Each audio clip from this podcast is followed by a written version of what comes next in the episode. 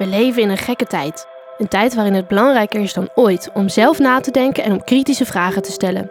Dat doen wij hier alvast voor jullie, met als doel dat jullie dat ook gaan doen. Welkom bij een oprecht geluid. Vandaag stellen we je de vraag: wie beslist over jouw gezondheid, over jouw toekomst? Ben jij leider of volger? We geven nu het woord aan Carla Peters voor haar kijk op deze vraag. Lieve jongeren, mijn naam is Carla Peters. Ik ben oprichter en directeur van Kobala Good Care Feels Better. Ik zet mij in om te zorgen dat mensen die gezondheidsklachten ervaren, waaronder ook jongeren met chronische ziekten, kunnen herstellen en mee kunnen blijven doen in de maatschappij. Dit doen wij met een persoonsgerichte integratieve aanpak, waardoor iemand inzichten en handvatten krijgt om leider te worden van zijn of haar gezondheid.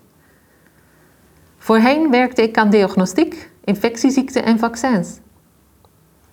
Ik werkte onder andere op het Academisch Ziekenhuis, Wilhelmina Kinderziekenhuis, het RIVM en daarna bij gemeenten, ministeries en ook een uitsprong naar de farmaceutische industrie. Daarna ben ik veranderingsmanager geworden en bestuurder van enkele zorgorganisaties. De rode lijn in mijn loopbaan is een waardevolle bijdrage voor gezonde mensen, gezonde organisaties en een gezonde samenleving. Door de coronacrisis ben ik nog beter bij de kern gekomen van hetgeen ik wil bijdragen. Een gezonde samenleving. Ik wil graag dat onderlinge verbinding, realiteit, traditionele wijsheden, eigen keuzevrijheid, gezondheid en natuur behouden blijven voor toekomstige generaties. Voor mij zijn transparantie, oprechtheid en inclusiviteit de voorwaarden om een gezonde samenleving te kunnen realiseren. Tijdens deze coronacrisis worden zaken die al veel langer spelen en schadelijk zijn voor een gezonde samenleving uitvergroot en zichtbaar. Dit kunnen we niet in één keer omkeren. De huidige crisis, met schade op alle vlakken, nodigt ons uit om inzicht te krijgen en stappen te nemen naar een gezondere samenleving. Jongeren kunnen een belangrijke rol spelen in de weg naar herstel. In deze podcast hoop ik je inzicht te geven en te inspireren tot het maken van eigen keuzes. Het leven in deze tijd is door lockdowns en beperkende maatregelen niet eenvoudig. Vooral de avondklok lijkt voor velen een druppel die de emmer letterlijk en figuurlijk doet overstromen. De beperking van vrijheid en eigen keuzes wordt gevoeld. School, sport, muziek, studentenverenigingen en een bijbaantje die normaliter de context en structuur bieden om te experimenteren en uit te vinden wie je werkelijk wilt worden, ontbreken voor velen.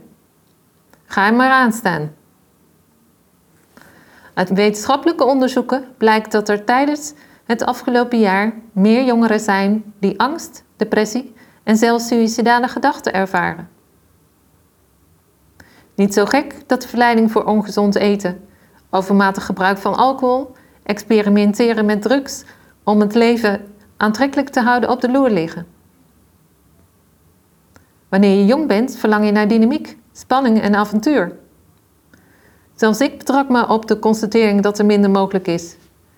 Nu heb ik er geen moeite mee om alleen te zijn, maar toch heeft het invloed. Persoonlijk denk ik dat de maatregelen voor jongeren lastiger zijn dan voor vele volwassenen met de uitzondering van enkele beroepen, zoals de zorgmedewerkers. Jongeren maken meer gebruik van het openbaar vervoer, gaan naar school en werken daarnaast vaak in supermarkten. Omstandigheden waaronder die vermalendijde mondkapjes en de anderhalve meter afstand verplicht zijn.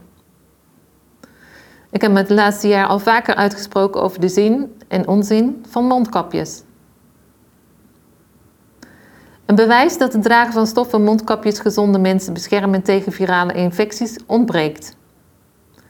De poriën van de stoffen en openingen van het mondkapje zijn te groot om virussen tegen te kunnen houden. Onafhankelijk wetenschappelijk onderzoek heeft niet onomstotelijk aan kunnen tonen dat het dragen van mondkapjes door gezonde mensen bescherming biedt. Niet voor jezelf en niet voor de ander.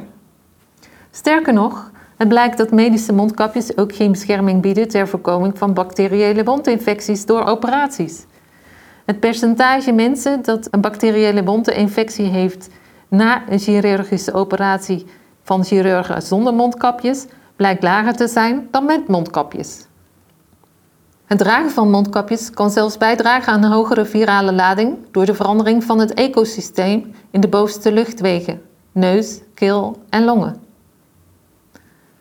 Hierdoor kan ook de concentratie van bacteriën weer veranderen, die juist longontsteking kunnen veroorzaken. Dit zijn Streptococcus pneumoniae, Staphylococcus aureus en andere bacteriën. Bacteriën die wij allemaal bij ons dragen. Staphylococcus aureus is daar een goed voorbeeld van. Iedereen kent wel iemand die door het dragen van mondkapjes huiduitslag op zijn of haar gezicht heeft gekregen. Dat is een voorbeeld van verandering van de bacteriële samenstelling op je huid. Bacteriën en virussen spelen in de juiste samenstelling een belangrijke rol voor onze gezondheid. Dat is een subtiel evenwicht. Een verandering van dit ecosysteem kan een negatieve invloed hebben op het immuunsysteem. Wanneer de effectiviteit van je immuunsysteem afneemt, is de kans groter op infecties. Je begint je natuurlijk af te vragen: en waarom moet ik dan een mondkapje dragen? Volgens professor Van Dissel, voorzitter van het Outbreak Management Team, is de verplichting die per 1 december 2020 is ingegaan een politiek besluit. Minister Van Ark heeft het over een gedragsexperiment. Een gedragsexperiment? Buiten meer kans op infecties zijn er nog andere risico's. Voor de korte termijn weten we dat het dragen van mondkapjes kan leiden tot duizeligheid door minder zuurstof en meer CO2. Wazig zien, hoofdpijn, misselijkheid, moeilijker ademhalen, vermoeidheid en meer hoesten. Sporten met mondkapjes wordt vanwege deze gevaren ten zeerste afgeraden, ook door de WHO en het RIVM. Psychologisch zijn er ook effecten. 80% van de menselijke interactie gaat via non-verbale communicatie. Met name het gebied rond de mond gebruiken we om als het ware te lezen hoe het met de ander gaat en onze empathie te uiten. Ook het onderling oogcontact is minder geworden. Velen zijn meer naar binnen gekeerd met een toenemend gevaar voor eenzaamheid. Dit heeft tot gevolg dat een bepaald gedeelte van de hersenen minder geprikkeld wordt en de ontwikkeling hiervan stagneert. Vooral voor kinderen en jongeren bij wie dit gebied nog onvoldoende getraind is, kan dit op de langere termijn effect hebben op de sociale interactie met anderen. Kortom, zowel fysiek, psychologisch als emotioneel kan het langdurig dragen van mondkapjes schadelijke effecten hebben. Risico's door het dragen van mondkapjes kun je beperken door het mondkapje iedere dag te vervangen wanneer het vochtig is, af te doen en minimaal iedere drie uren een periode niet te dragen. Het OMT heeft aangegeven dat het gedurende de hele dag dragen van het mondkapje niet is aan te raden. Er kan dan beter afgewisseld worden met een gezichtsscherm. Is het door omstandigheden verplicht om het mondkapje meer dan drie uren onafgebroken per dag te dragen, ga in gesprek met je leidinggevende of je werkgever. Kies voor mondkapjes die geen toxische stoffen bevatten, want dat maakt het risico op onbedoelde nevenschade minder. Koop bijvoorbeeld ecologische mondkapjes en was ze voor gebruik. Was ze opnieuw iedere dag na gebruik en wissel bij langdurig dragen af met een nieuwe. Door het gebruik van wasbare mondkapjes help je ook mee om de hoeveelheid plastic in het milieu te beperken. En dat voorkomt weer toekomstige pandemieën. Het allerbelangrijkste is, draag mondkapjes zo kort mogelijk en alleen wanneer strikt noodzakelijk. Dus niet wanneer je buiten loopt of alleen in een auto zit. Voor vrouwen vermijd gebruik van make-up onder je masker. Ervaar je klachten door het dragen van mondkapje, maak het kenbaar en download een bewijs of een pas die je op de site van de overheid kunt vinden. Bij verkoudheidsklachten blijf je thuis. Wees je eigen leider.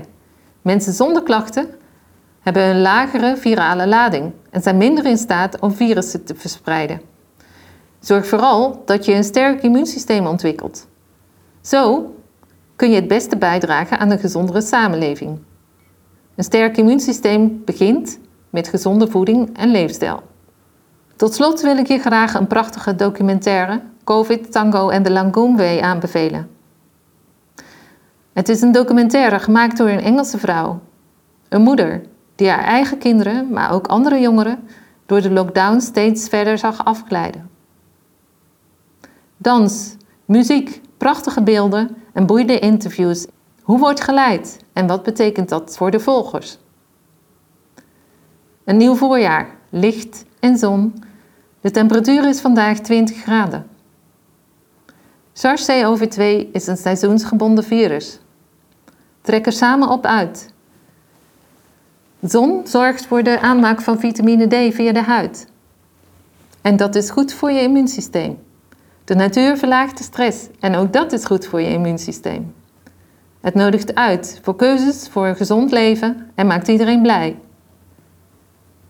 Wat en hoe wil jij bijdragen aan een gezonde toekomst voor iedereen? De toekomst is aan jou. Jouw keuze, jouw lichaam, jouw leven. Ik wens je alle goeds. Dit is de visie van Carla Peters. Neem dit mee om je eigen mening te vormen. Ga erover in gesprek met de mensen in je omgeving en vooral blijf altijd kritisch nadenken. Tot de volgende keer!